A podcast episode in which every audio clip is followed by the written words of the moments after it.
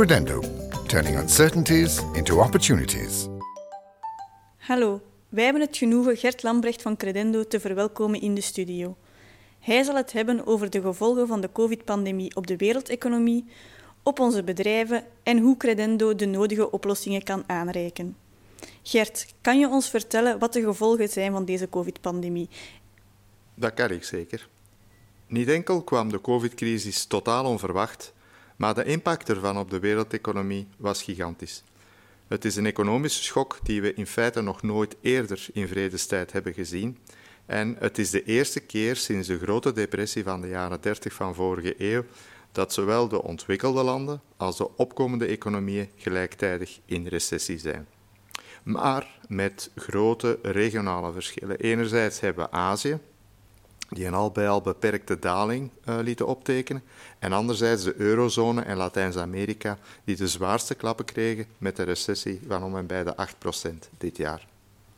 Nu, voor volgend jaar, 2021, wordt weliswaar een herstel van de economische activiteit verwacht, maar we gaan ervan uit dat die zeer fragiel en zeer volatiel zal zijn. En we verwachten dan ook dat veel landen economisch nog lang niet terug hetzelfde niveau van voor de crisis zullen halen.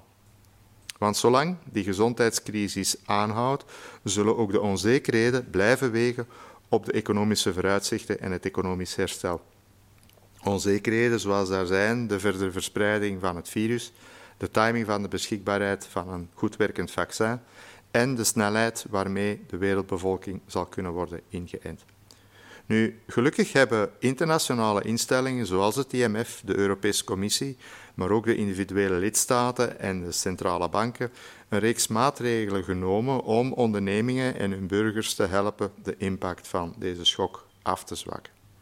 En wat is nu specifiek de impact op onze bedrijven? Wel, het klinkt misschien raar, maar de impact van deze diepe economische crisis op de Belgische bedrijven is tot op heden relatief beperkt gebleven. Een zware faillissementsgolf is uh, vooralsnog uitgebleven. En we merken als Credendo bij onze verzekerden nog geen echte explosie van het aantal wanbetalingen of schadegevallen. En dat is mede te danken aan een ruim pakket aan steunmaatregelen die onze nationale en regionale overheden boden.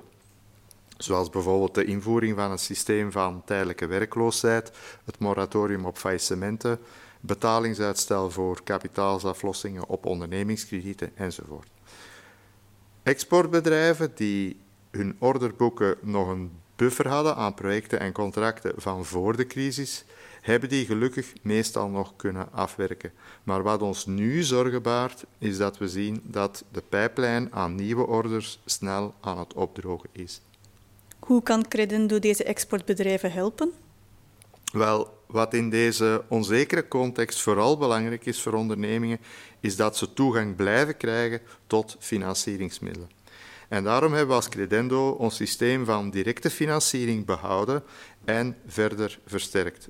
Zowel door middel van forfeiting, zeg maar het overkopen van handelsvorderingen, als door rechtstreeks krediet aan te bieden aan de buitenlandse kopers van onze exportbedrijven. En dat voor bedragen tot 8 miljoen euro en looptijden tot 5 jaar. En blijkbaar werkt dit, want we krijgen de voorbije, maanden een toevloed van aanvragen, in het bijzonder van de KMO's.